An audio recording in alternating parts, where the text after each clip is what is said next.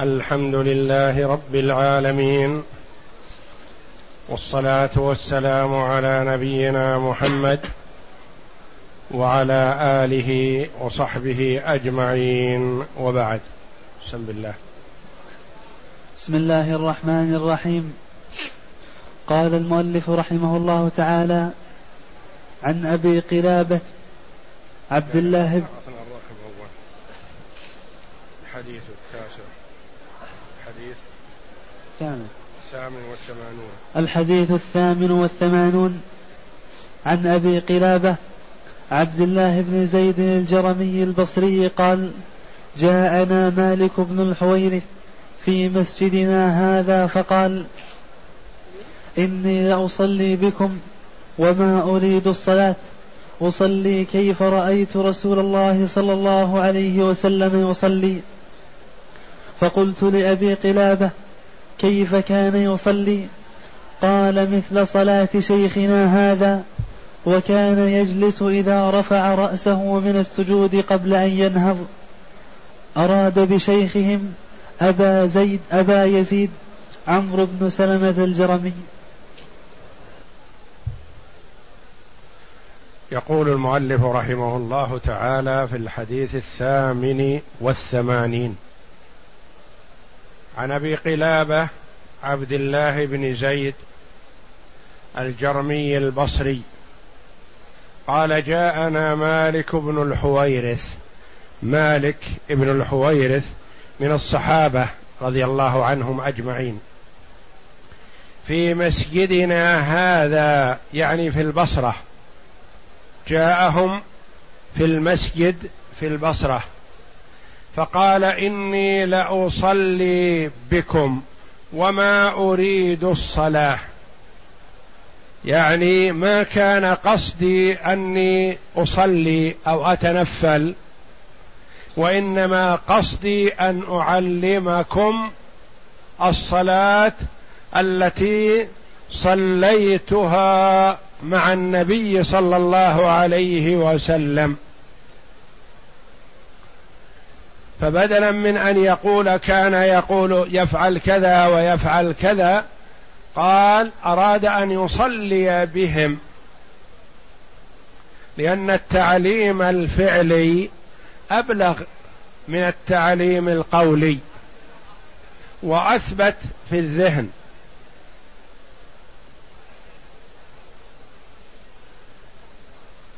أصلي كيف رأيت؟ رسول الله صلى الله عليه وسلم يصلي. يقول فقلت لأبي قلابة راوي الحديث كيف كان يصلي؟ هل صلاته؟ صلى صلاة غير معهودة؟ قال مثل صلاة شيخنا هذا. يعني صلى بنا مثل صلاة إمامنا هذا الذي هو هو أبو يزيد أو أبو بريد اختلف في كنيته عمرو بن سلمة الجرمي. عمرو بن سلمة هذا هو الذي كان يصلي بقومه وهو لم يبلغ الحلم وهو صبي. أبوه وفد إلى النبي صلى الله عليه وسلم. واختلف في أبي يزيد هذا عمرو هل وفد مع أبيه أو لا؟ هل رأى النبي صلى الله عليه وسلم أو لم يره؟ لأنه كان في البادية.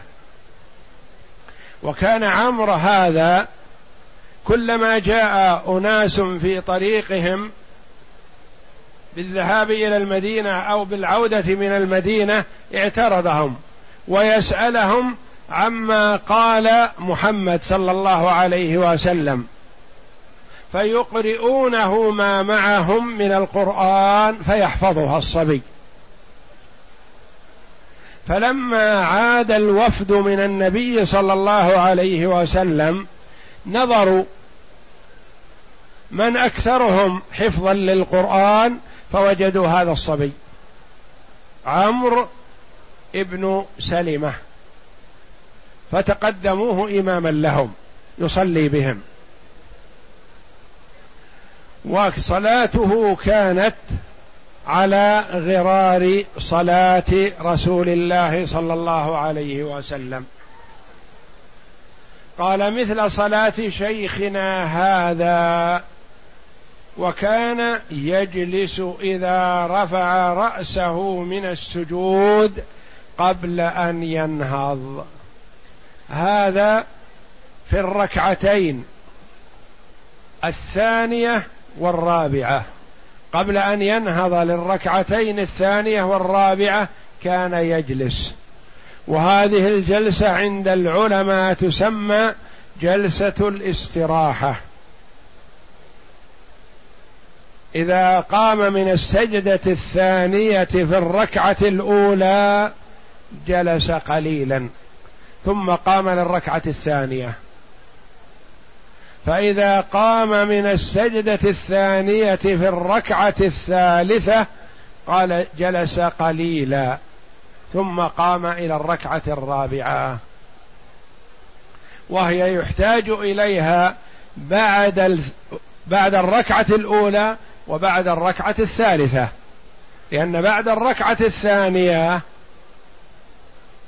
جلوس التشهد الأول لا يحتاج إلى الاستراحة.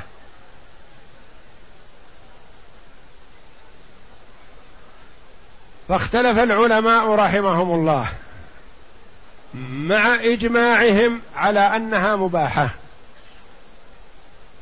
هل هي سنة أو مباحة وليست بسنة؟ يعني هل يؤجر على فعلها أو هي مباحة؟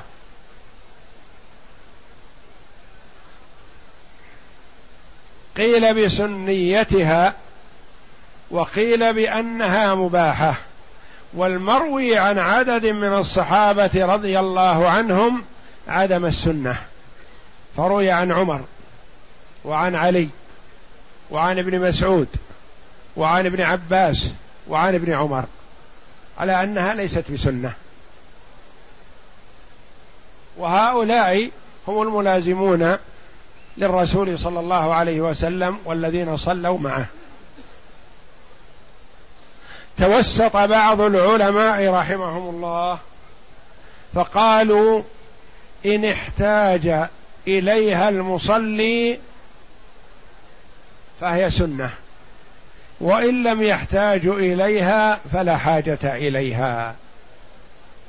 كأن يكون المصلي مريض أو كبير أو ثقيل الجسم ويحتاج إلى شيء من الراحة بين السجود والقيام. قالوا لبعد ما بينهما. لبعد ما بين السجود والقيام. قالوا يجلس إذا نهض من سجوده جل للاستراحة جلسة خفيفة. وليس لها ذكر مخصوص. لا في أثنائها ولا في القيام منها. عند القيام من السجود يكبر. ثم يجلس للاستراحة جلسة خفيفة ثم ينهض بدون تكبير. فلا يزيد تكبيرا وليس لها ذكر في أثنائها. ولعل هذا هو الوسط والله أعلم هو الذي رجحه ابن قدامة في المغني وقال هذا جمع بين الأقوال. ولعل الثابت عن النبي صلى الله عليه وسلم في آخر حياته جلسة الاستراحة لما ثقل عليه الصلاة والسلام. وكان ينهى الصحابة عن مسابقته لما ثقل صلى الله عليه وسلم. ما كان يقوم من السجود إلى الركعة الثانية أو الركعة الرابعة بسرعة. فينهى عن مسابقته وكان يجلس جلسة خفيفة.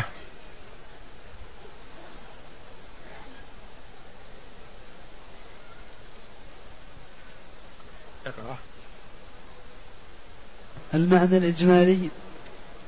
يقول أبو قلابة جاءنا مالك بن الحويرث أحد الصحابة في مسجدنا فقال في مسجدنا في البصرة في العراق.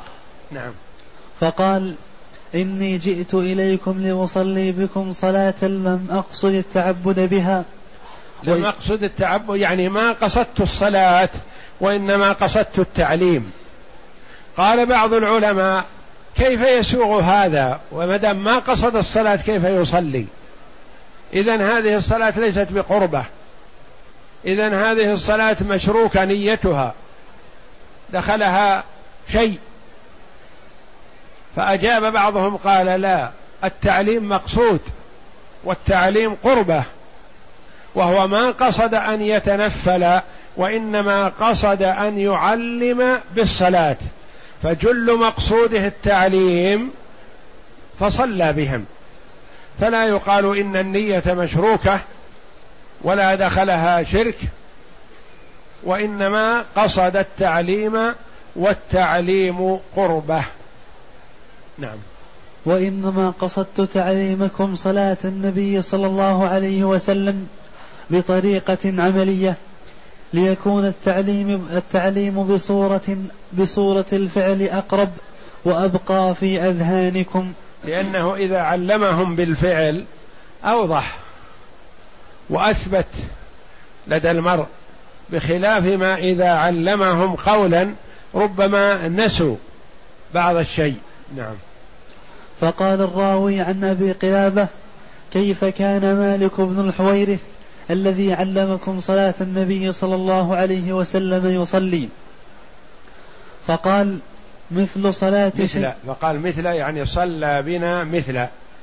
فقال مثل صلاة شيخنا أبي يزيد عمرو بن سلمة الجرمي وكان يجلس جلسة خفيفة إذا رفع رأسه من السجود للقيام قبل أن ينهض قائما. وهذا يكون في الركعة. عند القيام للركعة الثانية وعند القيام للركعة الرابعة. نعم. اختلاف العلماء الجلسة المشار إليها في الحديث هي ما تسمى عند العلماء بجلسة الاستراحة ولا خلاف عندهم في إباحتها وإن ولا خلاف عند العلماء في إباحتها يعني أنها مباحة ولا تؤثر في الصلاة ولم يقل قائل إنها لا تصح. أو لا تجوز لأنها ثبتت عن النبي صلى الله عليه وسلم في أحاديث في الصحيحين. نعم. وإنما الخلاف في استحبابها. الخلاف هل هي مستحبة أو مباحة؟ هذا الخلاف. نعم. فذهب إلى استحبابها الشافعي في المشهور في مذهبه. من؟ من مذهبه. وأحمد في إحدى الروايتين عنه. واختارها من أصحابنا من أصحابه الخلال لهذا الحديث الصحيح. يعني مروي عن الإمام أحمد رحمه الله فيها روايتان. رواية أنها مستحبة وهي التي اختارها الخلال من أصحاب أحمد. والرواية الثانية أنها مباحة وهي المشهورة في مذهب الإمام أحمد أنها مباحة يعني تباح للإنسان عند الحاجة. نعم. وذهب إلى عدم استحبابها من الصحابة عمر وعلي وابن مسعود وابن عمر وابن العباس. وذهب وذهب وذهب إلى عدم استحبابها من الصحابة عمر.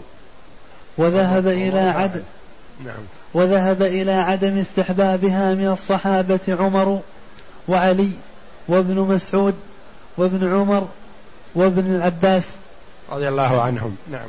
ومن المحدثين الثوري وإسحاق. سفيان الثوري رحمه الله وإسحاق بن راهويه من المحدثين. نعم. ومن الأئمة أبو حنيفة ومالك وهو المشهور من مذهب أحمد وقال إذن قول الجمهور على أنها مباحة وليست مستحبة. نعم. وقال أكثر الأحاديث على هذا يعني تركها. على تركها لأن جل الأحاديث التي نقلت صفة صلاة النبي صلى الله عليه وسلم لم تنقل لنا جلسة الاستراحة. فجلسة الاستراحة جاءت متأخرة لعلها والله أعلم لما ثقل النبي صلى الله عليه وسلم. نعم قال الترمذي وعليه العمل عند أهل العلم وقال على أنها مباحة وليست مستحبة. نعم. وقال أبو الزناد أبو تلك تلك السنة. تلك السنة. يعني السنة في تركها فهي مباحة وليست سنة. تلك السنة يعني في تركها. وقال الترمذي وعليه العمل عند أهل العلم في تركها. نعم. ومال بعض العلماء إلى فعلها عند الحاجة إليها من كبر أو ضعف جمعا بين الأدلة. يعني إذا كان المرء محتاج إليها في حاجة إلى أن يستريح قليلا فيجلس لها وإذا كان ليس في حاجة فالأولى ألا يجلس. نعم. قال أبو قدامة قال ابن قدامة في المعنى في المغني. في المغني وهذا في جمع بين فيه فيه صححوها عندكم في جمع ما فيه وهذا فيه جمع بين الأخبار فيه. وهذا فيه جمع بين الأخبار والتوسط بين القولين. نعم. ما يؤخذ من الحديث؟ أولا استحباب جلسة الاستراحة وتقدم أن الصحيح استحبابها للحاجة. يعني ليس الاستحباب مطلق وإنما هو عند الحاجة تستحب وعند عدم الحاجة لا. نعم. ثانيا وعرفنا أقوال الأئمة رحمهم الله أبو حنيفة ومالك والرواية المشهورة عن أحمد على أنها مباحة وليست مستحبة. والمروي عن الصحابة عدم استحبابها وعدم فعلها. والذين قالوا باستحبابها الشافعي رحمه الله ورواية عن أحمد اختارها الخلال من أصحابه. نعم. ثانيا أن موضعها عند النهوض من السجود إلى القيام. موضعها متى؟ في الصلاة الرباعية مرتين وفي الصلاة الثلاثية مرة واحدة. يعني عند القيام من الركعة الأولى إلى الركعة الثانية وعند القيام من الركعة الثالثة إلى الركعة الرابعة. وأما عند القيام من الركعة الثانية إلى الثالثة ففيه جلوس التشهد الأول. نعم. ثالثا أن القصد منها الاستراحة لبعد لبعد. لبعد السجود من القيام لذا لم يشرع لها تكبير ولا ذكر. رابعا يعني لا يشرع لها ذكر حال الجلوس ولا تكبير عند القيام منها وإنما هو كبر التكبير من القيام من السجود إليها. نعم. رابعا جواز التعليم بالفعل ليكون أبقى في ذهن المتعلم. نعم. خامسا جواز فعل العبادة لأجل يعني لو كان عند المرء طلاب أو أولاد أو أهل أو جماعة لا يحسنون الصلاة فصلى بهم الضحى مثلا جمعا أو صلى بهم في وقت من الأوقات غير وقت الفريضة لأجل أن يعلمهم مثلا صلى بهم في الليل ركعتين لأجل أن يعلمهم وهكذا. فهذا جائز كما صلى مالك بن الحويرث رضي الله عنه بأهل البصرة. نعم. خامسا جواز فعل العبادة لأجل التعليم وأنه ليس من التشريك في العمل يعني لا يدخله أنه عمل لغير العبادة. كلاهما عبادة التعليم عبادة والصلاة عبادة فهو صلى ليعلم. نعم. فإن الأصل فإن الأصل الباعث على هذه الصلاة هو إرادة التعليم وفي وهو قربة كما أن الصلاة قربة. يعني الصلاة قربة والتعليم قربة فأراد أن يجمعهما وجل همه هو التعليم لأجل أن يأخذوا عنه صلاة النبي صلى الله عليه وسلم. والنبي صلى الله عليه وسلم قال للصحابة صلوا كما رأيتموني أصلي. فأتمنهم صلى الله عليه وسلم على صلاته ليعلموها إلى من بعدهم. والله أعلم. وصلى الله وسلم وبارك على عبده ورسول نبينا محمد وعلى آله وصحبه أجمعين.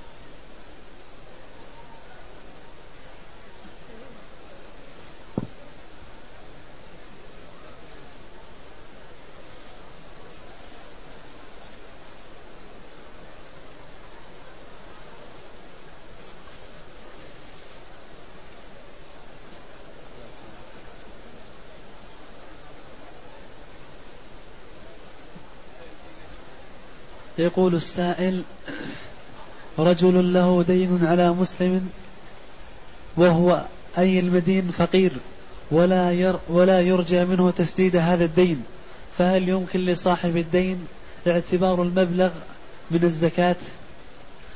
الجواب لا لا يجوز أن تعتبر الدين الذي لك على فقير من الزكاة لأنك بهذا تكون وقيت مالك. أنت المستفيد. جعلت الزكاة في المال الذي كدت أن تيأس منه. وإنما الصحيح أن تعطيه من الزكاة إذا شئت. ثم إن شاء هو ردها إليك قضاء بلا شرط. لا تشترط عليه. تقول أريد أن أعطيك ألف ريال من الزكاة لكن على شرط ترده علي من الدين الذي عندك لي. لا. تعطيه ما تعطيه من الزكاة فإن رده عليك سدادا لدينك فلا بأس عليك.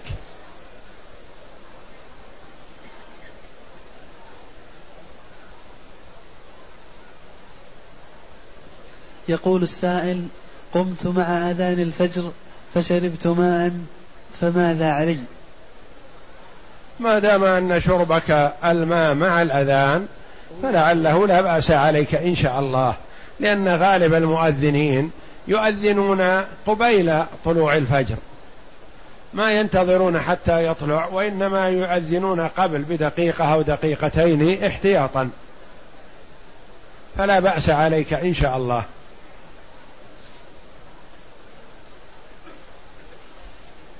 يقول السائل هل من السنة القنوت في صلاة الفجر؟ كان آخر الأمرين من رسول الله صلى الله عليه وسلم ترك القنوت في صلاة الفجر.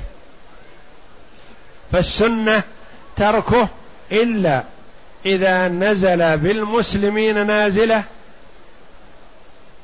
فيشرع ويستحب القنوت. يعني إذا أصيب المسلمون بمصيبة غلب المسلمون أو حصل ما حصل من شيء يزعج يزعجهم فيضرعون إلى الله جل وعلا ويقنتون في صلاة الفجر وفي غيرها. يجوز القنوت في صلاة الفجر وفي صلاة المغرب وفي غيرها من الصلوات. أما إذا كان الأمر لا ليس فيه داع مبرر لهذا فلا يشرع لأن النبي صلى الله عليه وسلم قنت شهرا يدعو على رعل وذكوان وعصية عصت الله ورسوله قبائل من قبائل العرب. فأنزل الله جل وعلا عليه ليس لك من الأمر شيء أو يتوب عليهم أو يعذبهم فإنهم ظالمون. ودعا على أناس من الكفار بمكة. ودعا لأناس من المسلمين المستضعفين بمكة. ثم إنه صلى الله عليه وسلم ترك هذا. فكان آخر الأمرين منه صلى الله عليه وسلم ترك القنوت. اذا فلا ينبغي أن يقنت إلا إذا نزل بالمسلمين نازلة.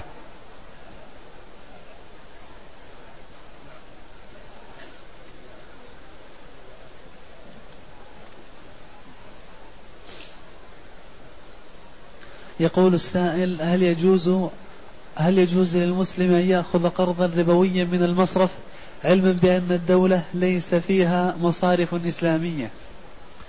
لا يا أخي لا يجوز هذا لأنه إذا أخذ القرض بفائدة ربوية فهو مرابي ملعون على لسان محمد صلى الله عليه وسلم وهو متوعد بالوعيد الشديد في آيات الربا التي في سورة البقرة.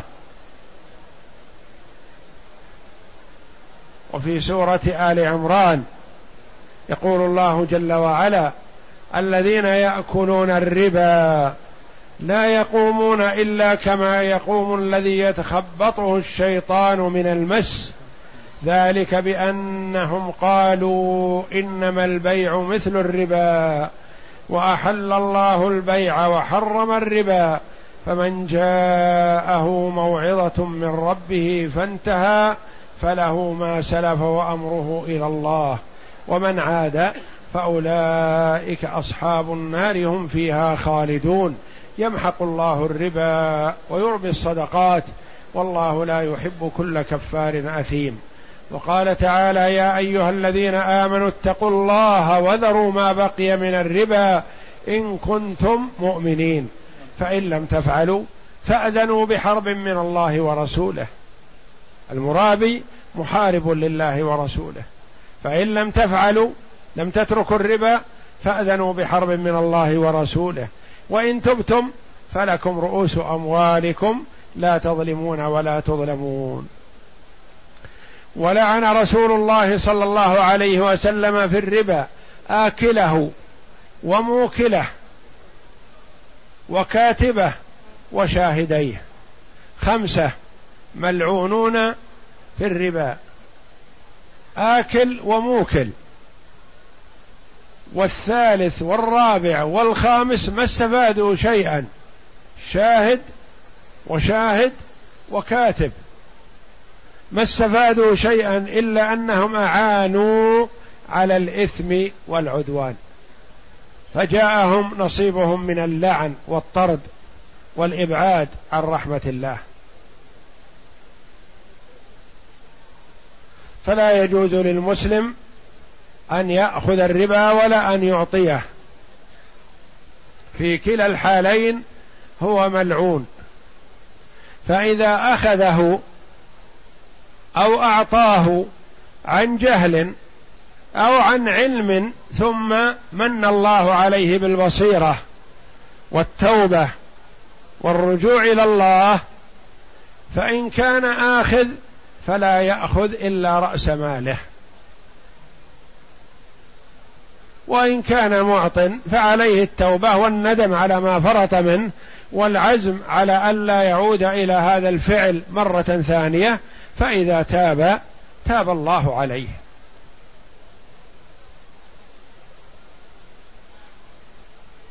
والربا شأنه عظيم وكبيرة من كبائر الذنوب من السبع الموبقات. فالواجب على المسلم الحذر منه والبعد والبحث عن طريقة صحيحة يسلم فيها من الربا بالبيع والشراء. وأحل الله البيع وحرم الربا. نعم. يقول السائل اشتريت شاحنة للعمل بها فهل عليها زكاة؟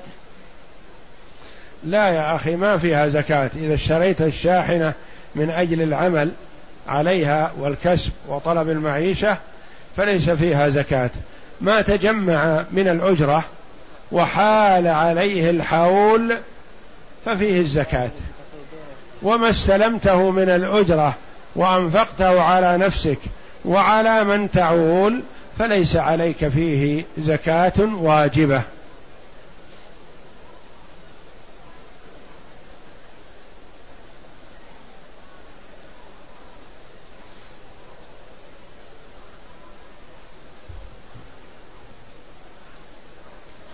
يقول السائل هل يجوز للزوجين أن يصليا صلاة التهجد جماعة؟ نعم يجوز للرجل أن يصلي بزوجته صلاة قيام الليل. وقد قال النبي صلى الله عليه وسلم رحم الله امرأ قام من الليل فصلى فأيقظ زوجته فصلت فإن أبت نضح في وجهها الماء. ورحم الله امرأة قامت من الليل فصلت فأيقظت زوجها فصلى فإن أبى نضحت في وجهه الماء لأجل أن توقظه.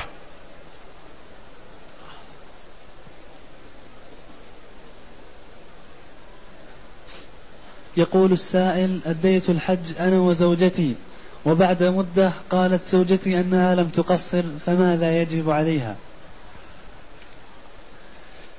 إذا كان الشك هذا لم يعرض لها إلا بعد انتهائها من الحج فلا تلتفت لهذا الشك. وإن كانت متيقنة أنها لم تقصر فعليها هدي. شاة تذبح في مكة لفقراء الحرم. فإن لم تستطع الهدي لأن التقصير واجب من واجبات الحج كما هو واجب من واجبات العمرة.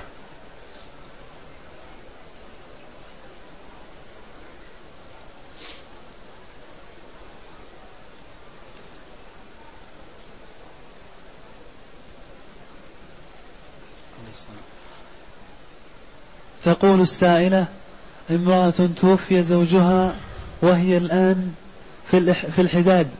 وتريد أن تنوي عمرة فهل لها أن تذهب وهي ما زالت في العدة؟ لا يا ليس لها ذلك.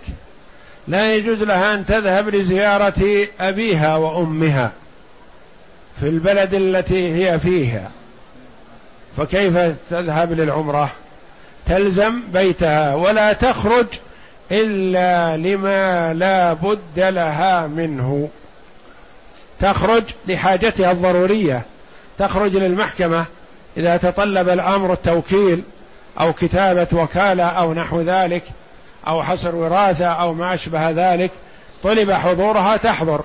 أو لدى كاتب العدل أو تذهب للمستشفى لعلاجها هي أو لشراء حاجة ضرورية لها لا يوجد من يحضرها لها تخرج لما لا بد لها منه. وأما ما لها بد منه فلا تخرج إليه.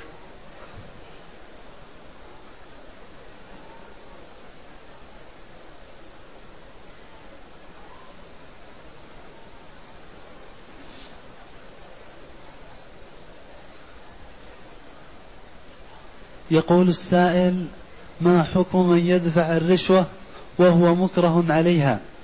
لا يجوز للمسلم أن يدفع الرشوة كما لا يجوز له أن يأخذها كما لا يجوز له أن يكون واسطة بين الراشي والمرتشي. فقد لعن رسول الله صلى الله عليه وسلم الراشي الذي يدفع الرشوة والمرتشي الذي يأخذها. وفي رواية والرائش يعني الواسطة بينهم. الثلاثة ملعونون على لسان محمد صلى الله عليه وسلم.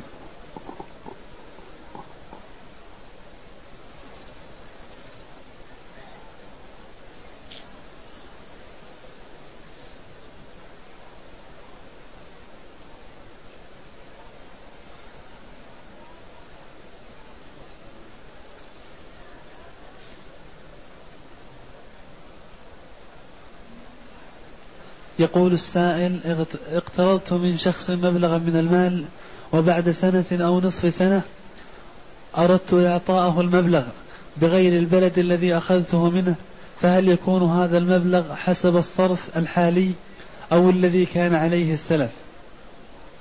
ممكن يكون الصرف حاليا. مثلا أخذ منه مئة جنيه مصري قرضا. وبعد سنة أراد أن يسدده وهم في مكة.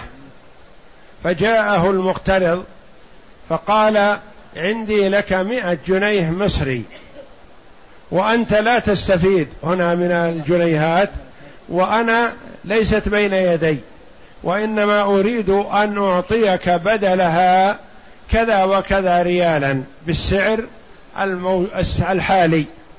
فاصطلح على ذلك جاز لأنه صرف ونقد في الحال. لا صرف في الذمة. إذا كان في الذمة فلا يجوز. يقول نجعل مئة الجنيه المصري كذا وكذا ريالا أسلمك إياها بعد شهر. نقول لا هذا لا يجوز. هذا صرف ودين. وأما صرف حاضر يدا بيد فلا بأس. قل عندي لك كذا وكذا من العملة وليست بين يدي وأريد أن أعطيك بدلها كذا وكذا ريالا والآن أسلمك إياها فاصطلح على ذلك فلا بأس.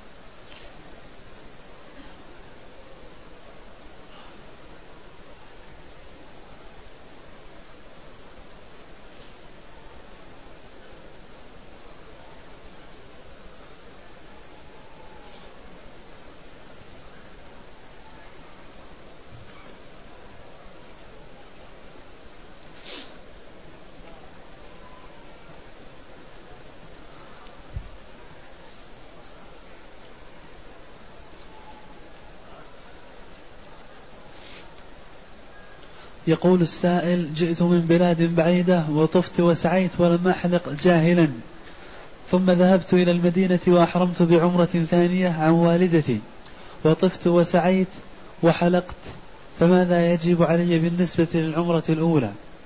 يجب عليك عن ترك التقصير أو الحلق في العمرة الأولى شاة تذبح في مكة لفقراء الحرم فإن لم تستطع ذلك فتصوم عشرة أيام. لأن التقصير أو الحلق واجب بالنسبة للرجل. وأما بالنسبة للمرأة فالتقصير فقط. فإذا نسيه أو تركه المعتمر أو الحاج وجب عليه هدي إن استطاعه. فإن لم يستطع الهدي صام عشرة أيام. والعمرة صحيحة إن شاء الله.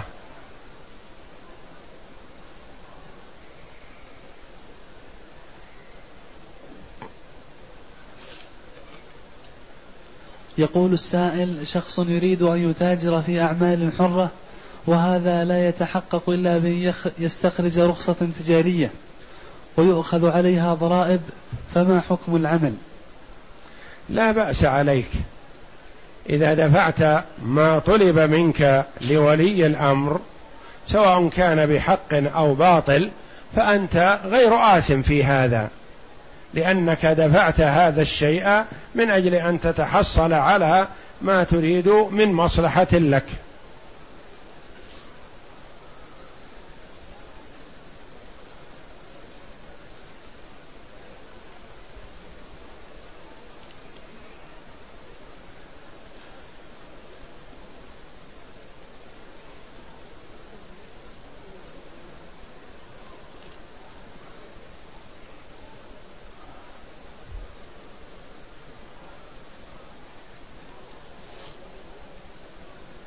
يقول السائل اشتريت قطعة أرض وفي نيتي البناء عليها والسكن فيها وكان ذلك من مدة سنتين إلا أنني عرضتها على بعض المعارف لغرض بيعها إن جاءني فيها سم مناسب فهل يجب علي فيها زكاة؟ الظاهر أنه لا زكاة فيها لأنك لم تشتريها للتجارة ولم تقصد بها التجارة فحينئذ لا زكاة فيها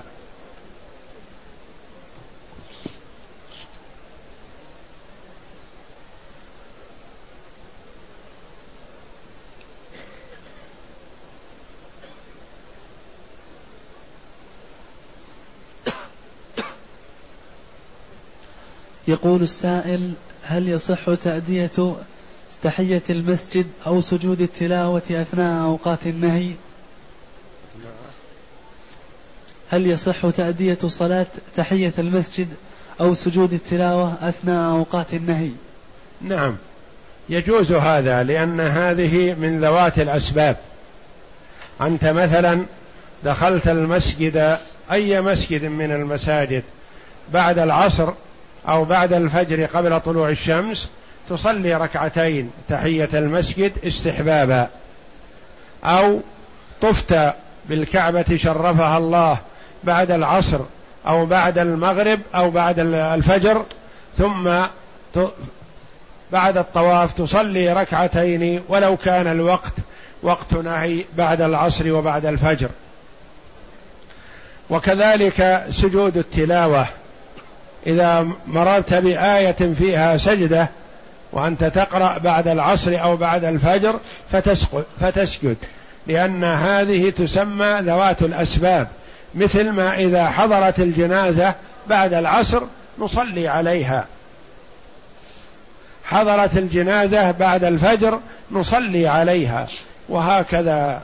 فذوات الأسباب تفعل في أوقات النهي وغيره.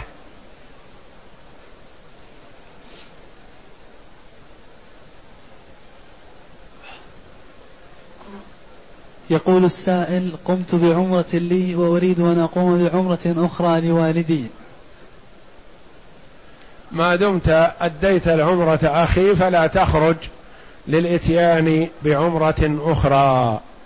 فإن سافرت إلى مكان ما قريب أو بعيد ثم أردت العودة إلى مكة فعد إليها بعمرة. فنقول أنت في مكة لا تخرج للإتيان بعمرة أخرى. تريد مكة لا تدخل إلا بعمرة استحبابا. لا تحرم نفسك ثواب العمرة عنك أو عمن أردت.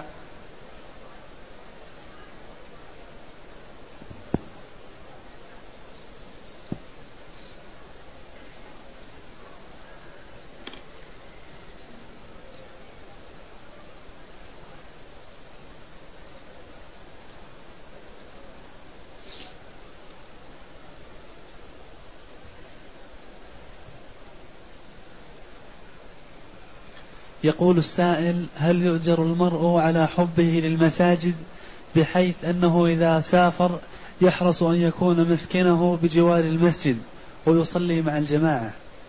هذه صفة طيبة وتدل على الإيمان لأن عمارة المسجد كما تكون بالعمارة الحسية تكون بالعمارة المعنوية بالصلاة في المسجد. وعمارته بذكر الله جل وعلا. وقد ذكر النبي صلى الله عليه وسلم السبعه الذين يظلهم الله جل وعلا في ظله يوم لا ظل إلا ظله. من السبعه رجل قلبه معلق في المساجد. يعني يألف المسجد ويحب أن يتردد عليه وكلما خرج من المسجد وإذا هو يرقب الوقت ويرقب الساعة ويرقب الشمس متى يحضر وقت الصلاة حتى يعود ويذهب إلى المسجد. فمحبة المسجد تدل على الإيمان إن شاء الله.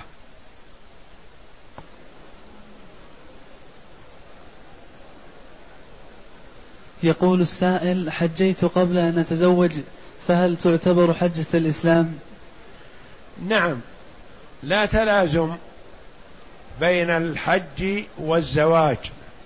يجوز أن يحج قبل أن يتزوج ويجوز أن يتزوج قبل أن يحج. فالحج ركن من أركان الإسلام لمن استطاع إليه سبيلا ولا ارتباط ولا تعلق بينه وبين الحج وبين الزواج. فإذا قدر على الحج وهو ابن خمس عشرة سنة أو ست عشرة سنة فيحج ويبادر بالحج قبل أن يتزوج. لقوله صلى الله عليه وسلم تعجلوا الحج يعني الفريضة فإن أحدكم لا يدري ما يعرض له. قد يستطيع الحج وهو ابن خمس عشرة سنة أو ست عشرة سنة فإذا كبر انشغل أو مرض أو عجز أو افتقر أو نحو ذلك. فليبادر بتأدية الفريضة حال القدرة. والله جل وعلا أوجبها مع القدرة ولم يوجبها مع عدم القدرة فقال ولله على الناس حج البيت من استطاع إليه سبيلا. والنبي صلى الله عليه وسلم لما ذكر أركان الإسلام قال وحج بيت الله الحرام لمن استطاع إليه سبيلا.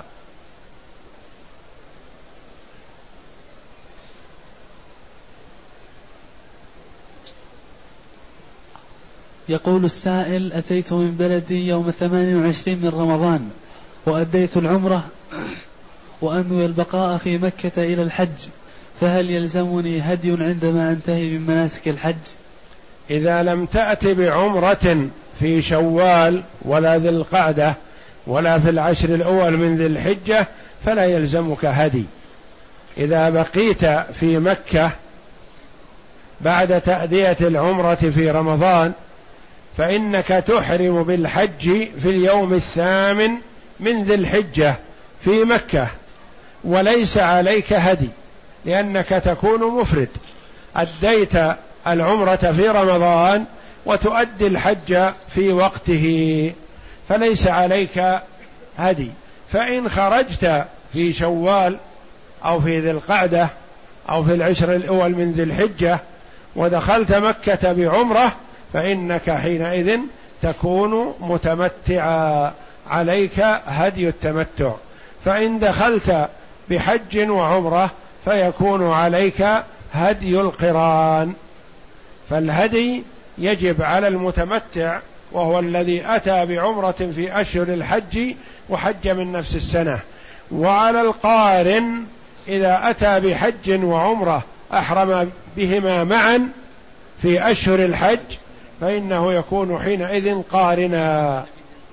إلا إن كان من حاضر المسجد الحرام من الساكنين في مكة فلا يجب عليه هدي في التمتع ولا في القران.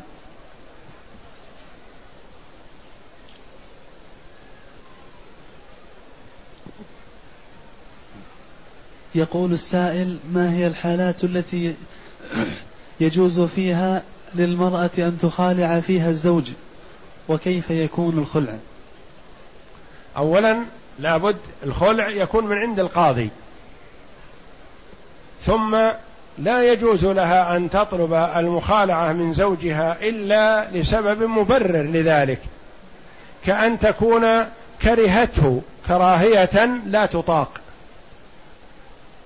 أو أبغضته لعدم تمسكه بما يجب عليه شرعا. فتخلع نفسها عند القاضي بالمبلغ الذي يتفقان عليه قل أو كثر. وإذا كان بغير سبب فلا يجوز لها. لقوله صلى الله عليه وسلم أيما امرأة سألت زوجها الطلاق من غير من غير ما بأس فحرام عليها رائحة الجنة. ويقول صلى الله عليه وسلم المختلعات هن المنافقات. فلا يجوز للمرأة أن تخلع نفسها من زوجها بدون سبب مبرر لذلك.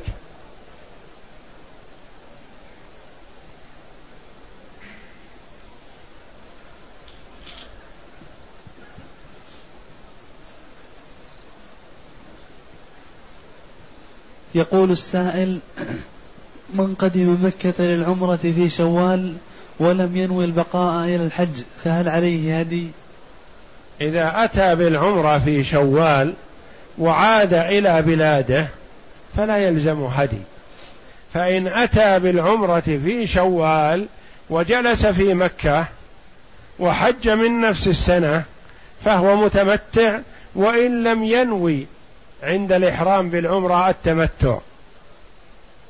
إذا أحرم بالعمرة في أشهر الحج وجلس في مكة وأحرم بالحج وحج من نفس السنة فإنه يعتبر متمتع يلزمه هدي التمتع. إن استطاعه فإن لم يستطعه صام ثلاثة أيام في الحج وسبعة أيام إذا رجع يعني إذا انتهى من أفعال الحج.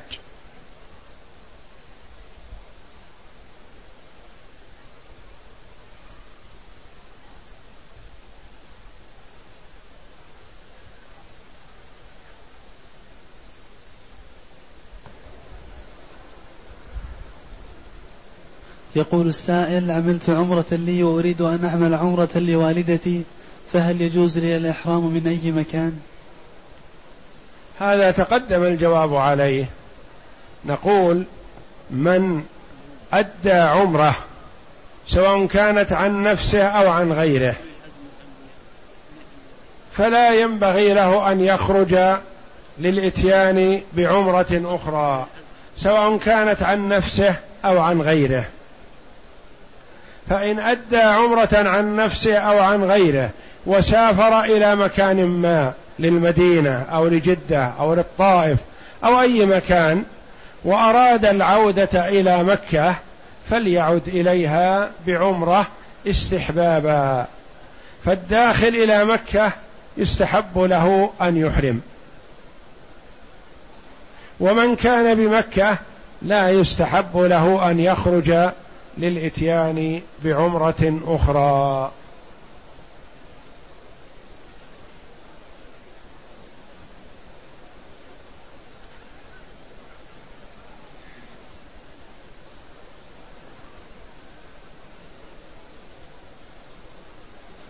يقول السائل من هم أولو العزم من من الرسل؟ أولو العزم من الرسل هم نوح.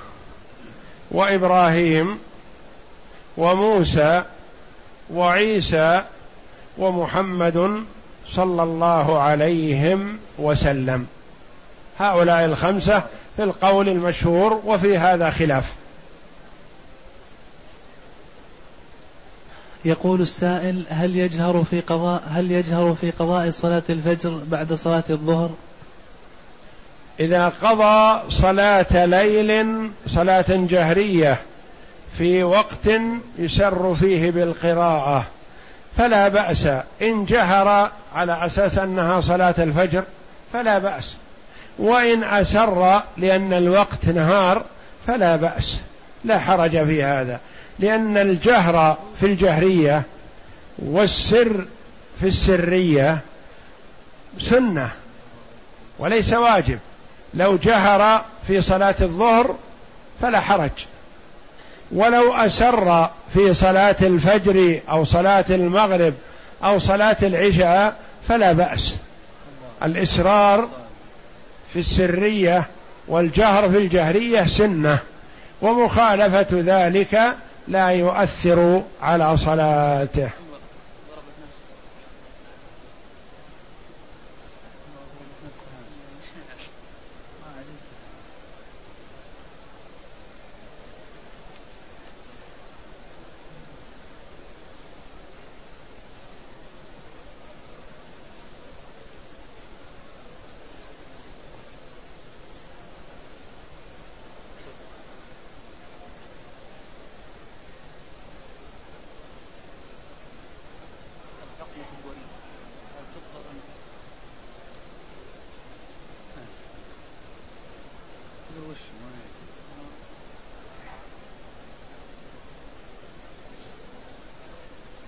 يقول السائل الحقن في الوريد هل يفطر أو لا؟ إذا كانت هذه الحقن عبارة مغذية فإنها مفطرة بالإجماع لأنها تكفي عن الطعام والشراب. وإذا كانت هذه الحقن في غير الوريد في العضل فإنها لا تفطر على القول الراجح. وإذا كانت في الوريد فالمسألة فيها خلاف والأولى للإنسان تحاشي هذا إلا عند الضرورة. فيتحاشى هذا ويجعل الإبر التي في الوريد يجعلها في الليل.